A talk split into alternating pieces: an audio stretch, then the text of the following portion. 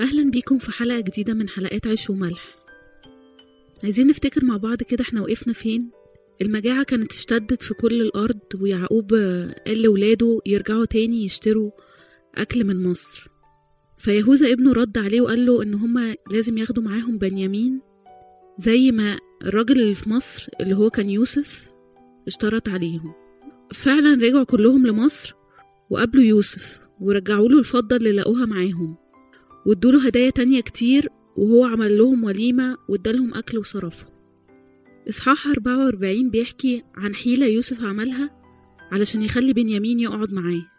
وإخواته جايين يمشوا يوسف قال للراجل المسؤول عن بيته إنه يملى لهم أكل قد ما ينفع ويحط في شنطة كل واحد منهم فضة. بس في شنطة بنيامين يحط مع الفضة الكاس اللي يوسف بيشرب منه. بعد كده إخوة يوسف مشيوا ويوسف بعت وكيل بيته وراهم عشان يسأل على كاس الفضة بتاعه وفتشوا شنط كل واحد ولقوا كاس الفضة فعلا في شنطة بنيامين. إخوات يوسف رجعوا تاني لبيته سجدوا له على الأرض زي ما أحلام يوسف كانت بتحكي وقالوا له إن هما مش هيقدروا يرجعوا من غير بنيامين فلو عايز نخليهم كلهم عبيد عنده. فيوسف قال لهم لأ ارجعوا أنتوا واللي لقيت الكاس معاه هو بس اللي هيفضل. وهنا ابتدى يهوذا يحكي ليوسف الحكاية تاني. وزي ان يعقوب أبوه ما كانش موافق إن بنيامين ينزل معاهم لأنه ابنه الوحيد من رحيل بعد ما يوسف مات. ويهوذا أقنعه إنه هياخد بنيامين ويرجعه له تاني.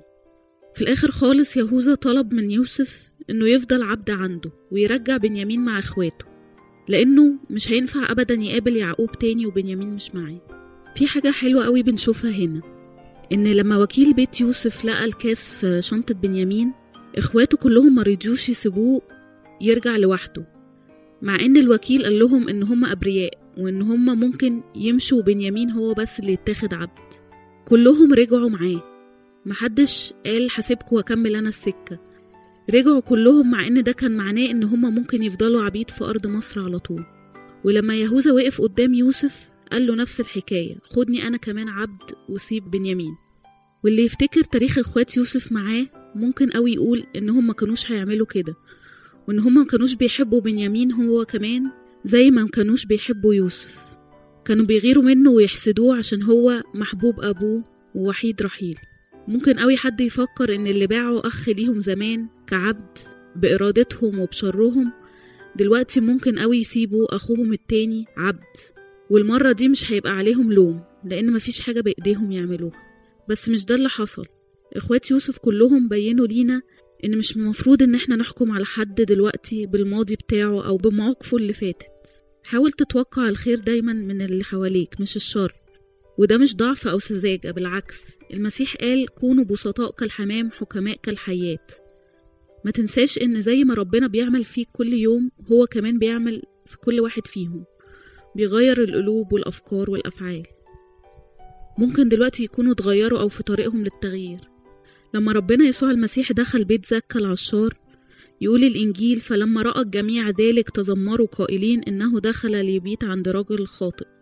بس زكا قلبه اتغير في لحظة لما قابل المسيح. وبدل ما كان بياخد من الناس فلوس وزع نص أمواله على الفقراء والمساكين.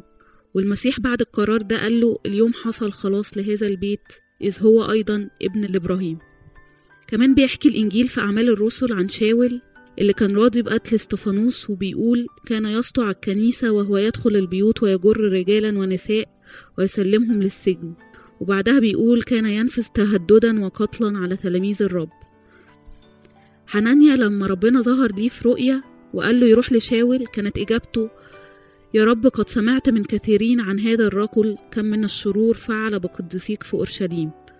وها هنا له سلطان من قبل رؤساء الكهنة أن يوثق جميع الذين يدعون باسمك. فالمسيح رد عليه وقال له اذهب لأن هذا لي إناء مختار ليحمل اسمي أمام أمم وملوك وبني إسرائيل لأني سأريه كم ينبغي أن يتألم من أجل اسمي. حنانيا ما كانش مصدق إن ممكن يطلع من بولس حاجة حلوة. وفي حتة تانية بيقول لما جاء شاول إلى أورشليم حاول أن يلتصق بالتلاميذ وكان الجميع يخافونه وغير مصدقين إنه تلميذ. التلاميذ كمان كان عندهم نفس رد الفعل.